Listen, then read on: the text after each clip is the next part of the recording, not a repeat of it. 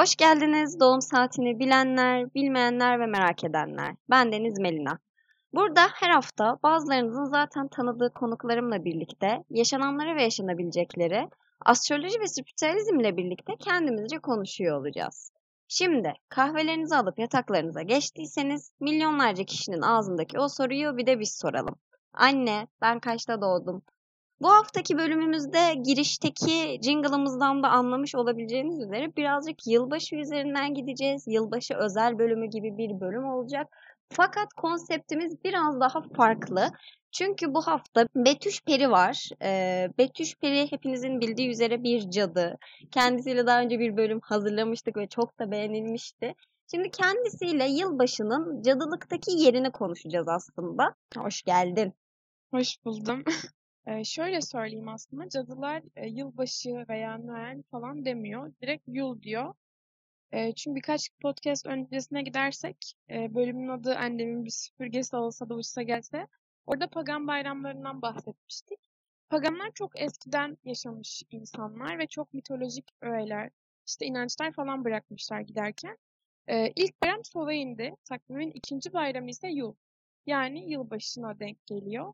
E, yul bir pagan bayramı diyebiliriz kısaca. E, fark ettiyseniz pagan bayramları e, mevsimsel olarak özel günlere geliyor. Yul ise en uzun gecenin gerçekleştiği 21 Aralık günü kutlanmaya başlanıyor ve 1 Ocak'a kadar sürüyor. Şimdi yıl kutlanmasının amacı e, Sovay'ından önce ölen Gaia yani toprak. Burada ölüm sembolik bir anlam taşıyor. Kış gelmesi, doğanın içinin kapanması gibi. Yul'da ise güneş tanrı olarak bilinen güneşin ışığının e, sonsuz oluşu kutlanıyor aslında. Çünkü eski insanlar için güneş, ay önemliydi, kutsaldı. Bu şekilde aslında Yul. Aslında bunun da yine e, Cadılar Bayramı'nda olduğu gibi güzel bir hikayesi var. Ben zaten sanmıyorum ki hiçbir dinleyicimizin ilgisini çekmesin. Bence ilgi çekici bir konu. Şimdi yıl böyle bir şey 21 Aralık'ta başlıyor dedim. Peki amacı bu gerçekten şey mi? Toprak ananın ölmesinden sonra. Yani tam anlamıyla nereye bağlanıyor? Neden kutlanıyor? Ya da e, asıl sormak istediğim soru şu. Hani bizde bu yılbaşı yeni bir yılın e, habercisi olduğu için kutlanır. Paganlarda nasıl bir kutlaması vardı bunun? Neden böyle bir döneme denk geliyordu? Şimdi paganlarda zaten e, her doğa olayı kutsal olarak kabul ediliyor. Yani doğanın ölmesi, doğanın tekrardan canlanması hepsi çok kutsal. Şimdi 21 Aralık'ta dediğim gibi en uzun gece ve aslında bir nevi işte e, o zamanlarda kış aylarının ortası gibi bir şey. Hani bu da çok kutsaldı. Bizim şu an kutladığımız yılbaşı yani yeni yıla girmesi ayrı.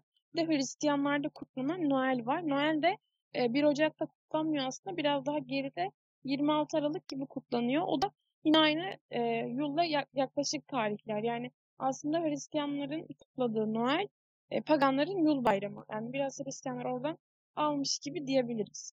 Bunu geçen Cadılar Bayramı bölümünde de evet. konuşmuştuk. Paganlardan Genel alıyorlar. Hristiyanlar zaten pagan kültüründen çok fazla şey almış. Ama biz alamamışız mesela. Bizde sadece bir 3, 2, 1 yeni yılla falan var. Aynen öyle. Bizde zaten hala şey tartışılıyor. Yılbaşı günah günah olayı. Bizim hani bu yıl kutlama olaylarına girebilmemiz için bir 30 sene falan ihtiyacımız var gibi. Aynen öyle. Yani zaten şu an bizim insanımız mı diyeyim artık yani yılbaşıyla Noel'in arasındaki farkı çok çözebilmiş değil. Yani Noel tamam Hristiyanlar için kutsal olabilir ama Yılbaşı tamamen yeni yıla girmek yani. Bunu kutluyoruz. Herhangi bir dini bir şey yok aslında ama bunu ayırt edemiyor çoğu kişi. Ben seni takip ediyorum birkaç gündür. Yıl hazırlıklarına başlamışsın. Evet. Bu arada arkadaşlar Betüş'ü Instagram sayfasından takip edebilirsiniz. Betüş Peri yazdığınızda zaten başka kimsenin çıkacağını düşünmüyorum. Çok eğlenceli ve cadılığa dair oldukça öğretici içerikleri var. Araya bir reklam sıkıştırayım. Ve takip ediyorum seni. Ee, geçen gördüm portakal falan kurutmuşsun hatta çok özendim. Bunu nereye bağlayacağım şimdi? Ee, Yul döneminde bir cadı olarak neler yapılır? Ben çok seviyorum bu dönemi. Çünkü gerçekten hem böyle yılbaşı hem kış yani insanın içi bir farklı oluyor. Şimdi nasıl kutlanıyor? Her bayramın bir sembolü var. Yani e, bu bayramın sembolü de çam ağacı, küçük, portakal ve böyle kırmızı yeşil renkler. Şimdi çam ağacının sembolik olmasının sebebi yıl boyu hep yeşil kalıyor. Hiç solmuyor. Yani bu tamamen güneş tanrı ile bağdaştırıldığı için. Çünkü güneş yıl boyu bizi ısıtıyor. Yani kış da olsa yaz da olsa hep bizi sıcak tutuyor. Bunun çam ağacıyla bağlantısı bu şekilde. Şimdi kütük sembolüne gelecek olursam orada da kütük aslında dekorasyon değil. E, tamamen korunma için. Çünkü eskiden insanlar e, yıl boyunca bir hafta boyunca yani kocaman bir kütük bulup onu yakarlarmış. Asla sönmemesi gerekiyormuş. Çünkü kötü ruhların e, uzak tuttuğuna inanıyormuş insanlar. Şimdi bizim zamanımızda eve kocaman kütük koymak vesaire imkansız tabii ki. Şimdi bir kütük alınıp mesela üstüne birkaç mum dikip onu yakıyorlar ve sembolik bu şekilde çalışabiliyor. Portakala gelecek olursam portakal cadılıkta güneşle bağdaştırılıyor. Yine e, güneş tanrıyı onurlandırdığımız için bu zamanı da portakallar dilimleniyor, kurutuluyor, işte atılıyor ki onun ruhu dönsün dolaşsın diye. Bir de portakalın şans ve para getirdiğine inanılıyor. Yani yıl boyu e, şans getirsin, para getirsin gibi bakılıyor. Son bir şey daha çam dallarından böyle ufak bir çelenk yapıp kapıya falan asmakta yine kötü ruhların eve girmesini önlüyor. Cadılar bunu da es geçmez asla. Şimdi bir de şu var. Yani kötü ruhlar niye böyle bayramlarda geliyor diyebilirsiniz. Kötü ruhlar akrabalara benziyor diyebilir miyiz o zaman? tam tam. Şimdi eskiden kötü ruhlar hani böyle önemli günlerde işte en uzun gece, en uzun gün gibi hani bu, bu tarihlerde ruh perdesinin inceldiğine inanıyormuş insanlar. Ve bu yüzden de ruhlardan korunmak için ekstra çabaya giriyormuş. Yani bunun sebebi bu. Hmm. Bu şekilde örnek verilebilir. Şimdi portakal zenginlik ve şans mı getiriyordu? Evet. Hemen anneme WhatsApp'tan yazıyorum. İki gün o portakal alsın eve gelirken. Anneden diye sorma. Çok önemli işlerim var. Yani portakal böyle o kokusu zaten insanın hoşuna gidiyor bir. Ve tütsü olarak kullanmak bence denenebilir yani. Aa evet çok mantıklı olabilir bak. Kuruduktan sonra. Evet o kurutma aşaması da biraz bir gün sürüyor ama sadece değil mi? Evet bir gün. E yine iyiymiş yani. Ya fırında kurutanlar var. Maalesef Türkiye ekonomisinde 6 saat fırın çalıştırmak imkansız olduğu için ben direkt kalorifer peteğinin üstüne seriyorum. Bir günde kuruyor yani. E yani bence yine iyi bir süre, ideal bir süre. Evet. Bu cadılık aslında inanılmaz derecede ilgimi çeken bir konsept. Böyle özel işte bayramlar, özel ritüellerin yapıldığı günler. Biliyorsun zaten yazın merak saldım ve araştırmaya başladım. Ama akademik kariyerim o kadar yoğun ki asla vakit ayıramıyorum. O yüzden böyle senden bir şeyleri dinledikçe inanılmaz keyifli hissediyorum. Çok ilgimi çekiyor böyle şeyleri öğrenmek benim. Ya aslında gerçekten dediğin gibi araştırmak ve vakit ayırmak gereken bir şey. Ya benim de şu an okulum olsaydı muhtemelen bu kadar vakit ayıramazdım. Ama umarım senin için de bir zamanı gelir. Çünkü birkaç sene önce ben de asla vakit ayıramıyorum diye çok üzülüyordum. Belki bir gün ben de bir cadı olurum kim bilir. Şu an Baby Witch diyorduk sana. Evet ama baby witch'liğim böyle 6-7 ay falan sürdü. Hani gerçek bir bebek gelişimi gibi. Aslında şundan da bahsedebiliriz bak baby witch demişken. Hani bu Evet. özel bayramların bölümlerinde aynı zamanda cadılık konseptine de giriş yaptığımız için e, şeyi sormak istiyorum mesela. Bir baby witch ne zaman tam anlamıyla bir witch olabilir? Oradaki ayrım nasıl yapılır? Ben bunun böyle şöyle net bir kesit olduğunu düşünmüyorum. Yani şu zamandan sonra artık cadıdır. E, çünkü başkası söyleyemez. İçinde hisseder insan. En başta mesela cadılığa ilgi duymakla başlar. Yani zaten e, araştırır, işte nasıl diyeyim, vakit ayırır, meditasyon, ruhsal gelişim. Sonra zamanla bence yani bir yıl belki, belki iki üç ay hiç fark etmez. Hani artık kişi kendini hazır hisseder. O iç ses mi deniyor artık? İç böyle e, his mi? Ona göre artık ben bir cadıyım diyebilir bence kendine. Temel bilgiler var cadılıkta. Onları öğrendikten sonra aslında hani temel bilgilere sahip olduktan sonra gerisi pratik ve hani sonsuz bir bilgi var zaten ama onların çoğu ritüel. Yani ritüellerin hepsini bilen cadı zaten yoktur. Çünkü bazen mesela kendi ritüellerimizi de oluşturabiliyoruz. Kimseyle paylaşmıyoruz. O yüzden yani tamamen içsel bu. Bir de böyle sen cadısın diyemez ona. Yani o kendisi fark edecek ve kendisi okeyleyecek. Hmm, anladım. O zaman buradan tüm baby witch'lere ve süpürgesiz cadılara selam olsun diyelim. Şimdi yılbaşı konseptine geri döneceğim. Yılbaşı ve yul bu iki konsepte geri Evet. döneceğim. Çünkü ikisinin arasında bir farklılık var. Onu anladım. Bunu kavrayabildim şükürler olsun ki.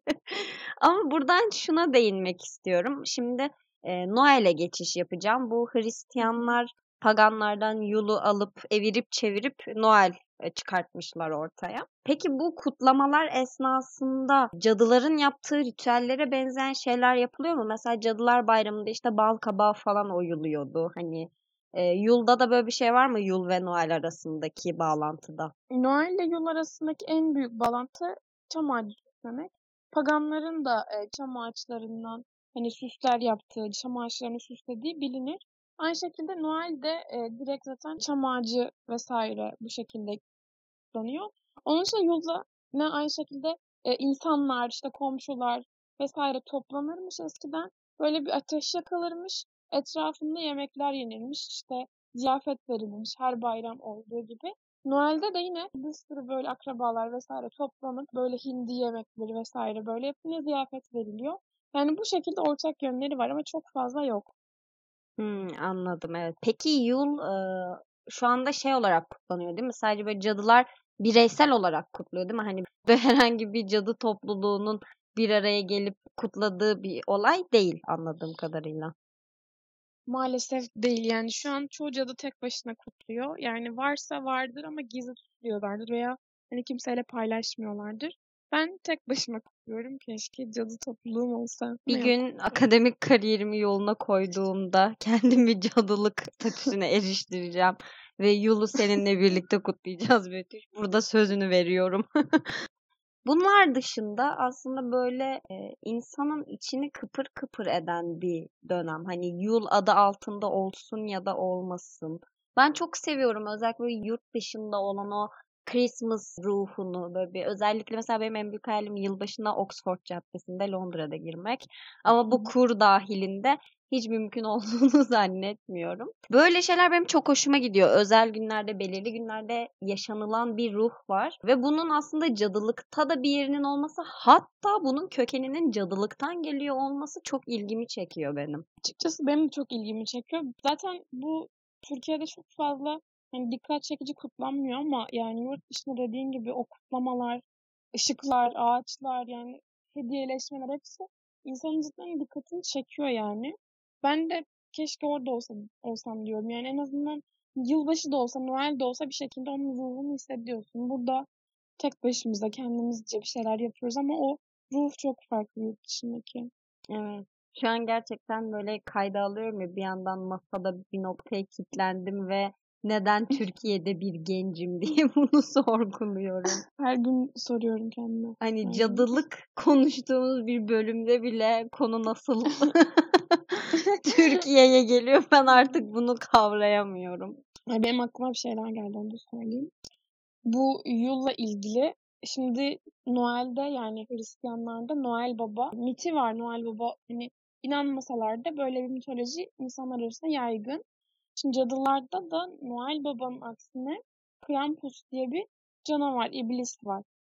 Şimdi e, aslında bu da bir efsane, mitoloji ama cadılar buna inanıyor. Çocuklara özellikle bu var. Krampus'un e, yul akşamı, yul gecesi o yıl boyunca işte yaramazlık yapan çocuklara vesaire böyle nasıl diyeyim onların ruhlarını çalmakla, kaçırmakla böyle korkutuluyor genelde. Ama cadılar için de bu da geçerli. Cadıların nasıl diyeyim e, güçlerini çalmakla, güçlerini almakla e, görevli aslında Krampus. O yüzden ekstra böyle cadılar yul akşamı yalnız kalmamaya çalışırmış eskiden. İşte toplu halde gezerlermiş. Yine o dediğim gibi yul kütüğü aslında Krampus'u uzak tutmak için yakılan bir şey. Bu şekilde Noel'in e, yani yulun karanlık tarafı da var aslında. Ya ne kadar ilginç. Evet. Ama şeye de çok şaşırdım. Bu konsept bana bir yerden tanıdık geldi. Sen anlatırken düşündüm sonra nereden tanıdık geldiğini buldum. Ben 4-5 yaşlarında falanım. Ee, ve babamla kalıyorum. Ve gece asla uyumuyorum. Babam da beni uyutmak için bir yalan uyduruyor. İşte Helga diye bir kadın, bir Alman kadın. Sitede geziyormuş ve uyumayan çocukları alıp kaçırıp o çocukların içindeki böyle özel güçleri e, çalıyormuş. bir, böyle bir hikaye uydurmuştu babam bana ve ben senelerce Helga denen hayali karakterden korktum. Hani şey hiç sorgulamadım ama benim özel gücüm yok ki çalamaz ki falan inanıyorum hani peri olduğuma falan inanıyorum ben o dönemler zaten. Baban Krampus okumuş gizli bir yerlerde. Muhtemelen çünkü o kadar benziyor ki hikaye. Ama bir şeyi de sorgula ya. Hani ben benim özel gücüm yok ki. Ben niye korkayım? Çünkü şey olduğuma inanıyordum. Ben Bloom olduğuma inanıyordum. Ben Flora'ydım. Ve buna ikna olmuştum biliyor musun? Kendimi ikna etmiştim peri olduğumu. Şey kanatlarınız aslında çıkıyor ama kimse görmüyor kendi kendineyken çıkıyor falan. Sana birisi Yalnızca. yazmış ya çok güldüm ona. Sen kendini peri Ya olarak mı cadı olarak mı tanımlarsın? Gerçekten ağlayacağım ya. Çok tatlı. Bana her gün bunu soruyorlar yani peri olduğuma inandığıma inanıyorlar. Yani çok garip. Hayır o sadece sihirli annemden gelme bir nickname. Komik. Peki diyelim ki peri denen bir şey var. Sen peri mi olmayı tercih ederdin cadı mı? Cadı. Hmm, yine cadılıkta. cad- cadılar daha kapsamlı bence. Perisin sadece yani. Uçuyorsun, onu bunu yapıyorsun, o kadar. Onu bunu cadı, yapıyorsun. ca- cadı olduğunda daha kapsamlı bir yaşamın olabilir. Doğru evet. Cadılık zaten Ama bir kere aslında- periler alemine gitmek isterdim. Hmm, evet. Farklı bir Ay, frekans. evet. Ama böyle küçüklüğümüzden beri bize hep şey olarak lanse edildi ya. Periler iyi olandır, iyilik için savaşırlar. Cadılar da kötü olandır. Hani böyle Evet. periler ve cadılar hep karşı karşıyadır. Ca- Cadılar hep çirkin tasvir edilir mesela. İğrenç Evet. burunlar, kırışık yüz hatları falan. İşte şu an mesela o algıyı yıkmaya çalışıyorum. Cadıların kötü olmadığını, çirkin olmadığını göstermeye çalışıyorum. Perilerin de iyi ya da kötü olabileceğini de göstermeye çalışıyorum. Yani periler kötüdür, iyidir değil, kötüler de vardır, iyiler de vardır. İşte cadıların da kötüsü vardır. Yani atıyorum e, satanist bir cadı karmadan korkmadığı için etrafına kötülükler saçabilir. Ya da işte yeşil bir cadı karmaya inandığı için sadece iyilik peşinde koşabilir. O yüzden böyle farklı farklı şeyler var. Evet doğru. Çok doğru bir noktaya değindin. Ben de şey düşünüyordum. Kültürümüz dahilinde bir e, cadı olsaydım yolu ben nasıl kutlardım diye düşünüyorum. Ve hani gözümün önünde şey canlandı. Ee, annemler içeride televizyondan O Ses Türkiye izliyor. Ben odama kapanmışım ritüel falan gibi portakallarla birlikte. Bunlarla meditasyon yan tarafta hadise şarkı söylüyor. Oradaki kültür çatışmasını hissettim yani gerçekten. Türkiye'de cadı olmak çok Türkiye- zor. Çok zor ya evet. Çok komik yani bir de. Cool olunmuyor yani böyle. İlla bir şey olacak. Evet. O şey havası, o dark hava illaki bir yerde gidiyor Aynen. yani. Aynen öyle. Mesela senin Instagram fotoğrafların inanılmaz müthiş. Böyle inanılmaz dark bir witch havan var. Ama baktığım zaman hani seninle çevirdiğimiz muhabbetlere falan bakıyorum. Bazen liseli iki kız gibi falan konuşuyoruz. Ne bileyim geçen arabada bağıra çağıra Demet Akalın söylüyorduk. Ya işte mesela o ben biraz cadılığın estetik tarafını da göstermek istiyorum. Aslında tamamen öyle de değil. Yani pijamalarla meditasyon yapıyoruz. İşte atıyorum normal günlük kıyafetlerle yaşıyoruz. Ama işte estetik tarafını da sevdiğim için hem öyle hem böyle ortaya karışık bir şeyler takılıyor. Yani cadılar da Demet Akalın dinliyor arkadaşlar. Kesin bilgi. Yani kot pantolon giydiğin günler de oluyor. Cidden o Instagram'daki fotoğraflarındaki gibi Evet. giyindiğin günler de oluyor. Ama güzel bir hayat tarzı. Evet hayat tarzı diyebilirim sanırım. Gönül isterdi her gün o kıyafetlerle gezmek ama deli diyorlar yani. Deli gibi diyorlar. bakıyorlar. Hani reçetem. Ben alıştım ama sorun yok yani. Sonuçta her gün biri çıkıp Corsa ile gezmiyor o vintage şekilde. Cadı şapkasıyla falan gezmiyor sonuçta. Korseler canını acıtıyor mu? Rahatlar mı? Korseler canımı acıtıyor açıkçası çünkü sıkmak zorundasın. Yani o yüzden arkadan bir baskı oluyor. Ben çıkarırken artık öh diyorum böyle "Ay, nefes alıyorum diyorum. Baya kötü yani ama güzel ya. O bakıyorsun kendine diyorsun ki ben bu dönemde yaşamıyorum ya falan diyorsun. Direkt orta çağa gidiyor aklım. Evet sen zaten 2021'e yani 10 gün sonra 2022'ye ait gibi değilsin. Gerçekten orta çağda yaşayan bir Cadı gibisin. Ve Türkiye'de Tamam senin yakılırdım kesin. Orası ayrı. Türkiye'de senin gibi konseptli bir hani böyle detaylı e, bilgi veren, eğlendiren bir cadı hesabı daha yok diye biliyorum ben. Ben de yok diye biliyorum. Yani cadı bilgileri veren var ama böyle eğlenceli moda tarafını gösteren çok fazla yok bence. Hatta hiç yok. Çünkü sen direkt bildiğin cadı influencer'ısın şu an. Bayağı cadı influencer. şey e, böyle cadı influencer ödülü almam yok. Panten altın kelebek. Ay ama bir şey diyeceğim rakibin yok ki. Tek başıma kendime ödül alayım. Tutuyorum bunu çünkü şu an elimde. Süpürgeyle falan çıkarım. Ay seni o sahnede düşündüm şu an biliyor musun gerçekten? Ben de düşündüm manifest hemen. Betüş yılın en iyi cadı influencer ödülünü alıyor. çok iyi. Abi bir şey diyeceğim gerçekten çok iyi. Hemen yetkililere mail falan at. bir şey yap. Aynen. Betüş'ün takipçileri lütfen çabuk bir şey yapın elden ele. İşte bir milyon takipçi falan olsak şöyle bir bence olur gibi. Manifesting. Aynen öyle. Umarım bir gün olursun. Konuyu yuldan Umarım. nerelere nerelere Ay, getirdi. saptık. Olsun. Olsun. Ya peki bir şey soracağım ya. Hazır yul demişken böyle yul hani kışın olan bir şey genellikle. Ve biraz kış konseptine gideyim. Cadılar kışın başka neler yapar? Şimdi aslında genelde hani havalar soğuk olduğu için çok fazla dışarıda ritüel ya da işte aktivite yapamıyoruz. Normalde bahar aylarında ben çok dışarıda vakit geçiriyorum mesela. Yani ormana gidiyorum, işte yeşillik alana gidiyorum. Bir şekilde meditasyon yapıyorum ama kışın evdeyiz mecburen. Daha çok böyle mutfak cadıları mesela mutfağa verir kendisini. İşte onu kurut, bunu kurut, şöyle yap, böyle yap vesaire. Genelde ben mesela mutfak cadısı çok değilim ama bu kış bir şeyler yap, yaptım yani birkaç böyle sebze falan kuruttum. Onun dışında genelde odada meditasyon yapıyorum, evde meditasyon yapıyorum. Bu şekilde geçiyor yani çok böyle kışın hani ekstra bir şey yapılmıyor aslında. Geçenlerde sen paylaşmıştın ay burcunuza göre hangi cadı olduğunuzu söylüyorum diye. Biri paylaşmıştı evet, böyle bir evet. şey. Ay boğada direkt şey yazıyordu zaten mutfak cadısı yazıyordu. Ha, Orada dedim ki aynen ben bir mesela. mutfak cadısıyım. Sen neydin hiç hatırlamıyorum. Ha, onu soracaktım. Sen ay burcuna göre hangi cadısın? Peki normalde hangi cadısın? Yani kendini hangi cadı olarak tanımlıyorsun? Ben bence hepsinde karışık. Karışık Ben çerez. Yeşil, yeşil cadı olduğumu düşünüyorum açıkçası. Çünkü yeşil cadı çok kapsamlı. Genel olarak böyle hani bitkilerle uğraşan, işte e, mumlarla uğraşan. Hani bu şekilde olduğu için ben yeşil cadıya daha uygunum. Çünkü mesela kozmik cadılar var. O direkt böyle astrolojiyle falan bağlantılı. Ben çok astroloji bilmediğim için hani ona sokamıyorum kendimi.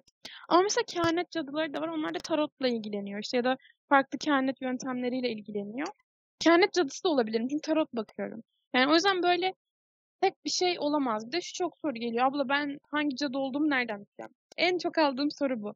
Yani bunu sen bilebilirsin. Mesela bak ben şu an kendi kendime karar veriyorum. Tarot bakıyorum. İşte kehanetlerim ya da kehanetle ilgileniyorum. Kehanet cadısıyım. İşte bitkilerle ilgilenmeyi seviyorum. Yeşil cadıyım. Vesaire. Ya da mesela atıyorum karanlık tarafla ilgilenmeyi seviyorum. Yani korkmuyorum. İşte iblislerle çalışıyorum. İşte ölüm büyüleri, lanet büyüleri yapıyorum. O zaman karanlık dark cadı diye geçiyor. Hani ya da satanist cadı. Bu şekilde taraflar var. Acaba ben bir cadı olsam bir gün hangi cadı olurdum? Bir sürü cadı çeşidi var gerçekten yani. O yüzden bence sen deniz e, deniz değil de su cadısı diye geçiyor yani. Deniz cadısı da olabilir. Bence ondansın sen. Ben öyle düşünüyorum. Olabilir. Kehanet de oluyor bak mesela bir Evet yandan. kehanet de oluyor sana. Mesela ben yeşil cadı olabileceğimi çok düşünmüyorum. Doğayı çok seviyorum ama böyle bitkilerle bir şeyler yapabileceğime çok inanmıyorum. Ya mesela yeşil cadılar daha çok şifayla uğraşırlar. İşte reikidir, şudur budur. İnsanlara şifa vermek için. Ben de çok yeşil cadı gibi değilim ama bitkilerle uğraştığım için oradan giriyorum. Su cadısı kafama yattı. Evet mesela su cadıları yani deniz cadıları vesaire işte su kenarlarına vakit geçirmeyi bayılır. Su kenarında yapacaklarını yapar işte. Ve su elementini e, çok iyi yönetir. Hani elementlerle çalışır cadılar mesela. Bu şekilde çok hani şey yapmadığım için bilmiyorum. Genelde Afrodit'le çalışıyorlar. Güzelmiş. Afrodit Venüs bağlantısı. Bayağı iyiymiş. Yula dair söyleyebileceğim başka bir şeyler var mı? Çünkü benim aklıma daha fazla soru gelmedi. Benim de çok böyle söyleyeceğim bir şey yok ama basit bir yıl e, dilek ritüeli e, hashtag artık hashtag demeyeyim de slash büyüsü demek istiyorum. Çünkü hani ritüel gibi gözüküyor ama büyü yani. O yüzden hani eğer cadı değilseniz veya cadılığa inanmıyorsanız bu söylediğim şeyi yapmayın ama cadılar bu dilek ritüelini yapabilir. E, yıl günü dışarı çıkın. E, çam ağaçlarının olduğu böyle bir yere gidebilirsiniz. Yere düşmüş, hoşunuza giden bir ko- kozalağı alabilirsiniz. Sonra e, ama şey kozalağı sakın koparmayın çünkü ağaç ruhlarına saygısızlık oluyor. Düşmüş olması önemli. Böyle ufak kağıtlara böyle o yılki isteklerinizi yazabilirsiniz. İşte mutlu olmak, sağlıklı olmak gibi özel dilekler. Sonra aralara sıkıştırın o dilekleri böyle kağıt kozalağın arasına. Birazcık tuz serpiştirin. Sanki yemek biraz kekik, biraz da kimyon. Sonra onu odanızda bir köşeye böyle asın. Yıl bitene kadar dursun o. Sonra yılın son günü yani 1 Ocak günü e, onu toprağa gömün ve yeni yıla yeni dileklerinizin olacağına inanarak girin. Bu ben, benim en sevdiğim dilek ritüellerinden biridir ve her sene yaparım. Geçen sene yapmıştım. E, iki dileğim oldu. Bakalım bu yıl kaç tane dileğim olacak. Peki bunu ben yapabilir miyim? Çok merak Evet, ettim çünkü. Tamam ben de yapacağım bunu bu sene. Çünkü ben bu sene yılbaşına şey dağ evinde gireceğim. O yüzden müthiş böyle bir Aa, doğa süper. ruhu, böyle bir ağaçlar Aynen. bilmem ne falan kesin bulurum zaten yere düşmüş bir tane kozalak. Direkt yapacağım. Süper. Zaten herkes yapabilir de hani dediğim gibi e, Müslümansanız çok tavsiye etmiyorum. O zaman bu bölümde de Yul'a dair söyleyebileceklerimiz genel olarak bunlardı. Çok keyifli bir bölüm oldu. Ben yine çok eğlendim. Yine çok bilgilendim. Ufkumu açtım. Umarım sizin için de çok eğlenceli olmuştur. Ve Betüş perimiz umarım sen de çok keyif almışsındır. Ben çok keyif aldım. Çok güzeldi. Ee, yayınıma konuk olmayı tekrardan kabul ettiğin için ve tekrardan bilgilerini bizimle paylaştığın için çok teşekkür ederim. Ben teşekkür ediyorum. O zaman bu bölümü burada sonlandırıyoruz. Bir sonraki bölümde görüşmek üzere arkadaşlar. Kendinize çok çok iyi bakın. Ve yeni yıllar. Ay yeni yıllar bu iyi yıllar. Mutlu yıllar. yeni yıllar.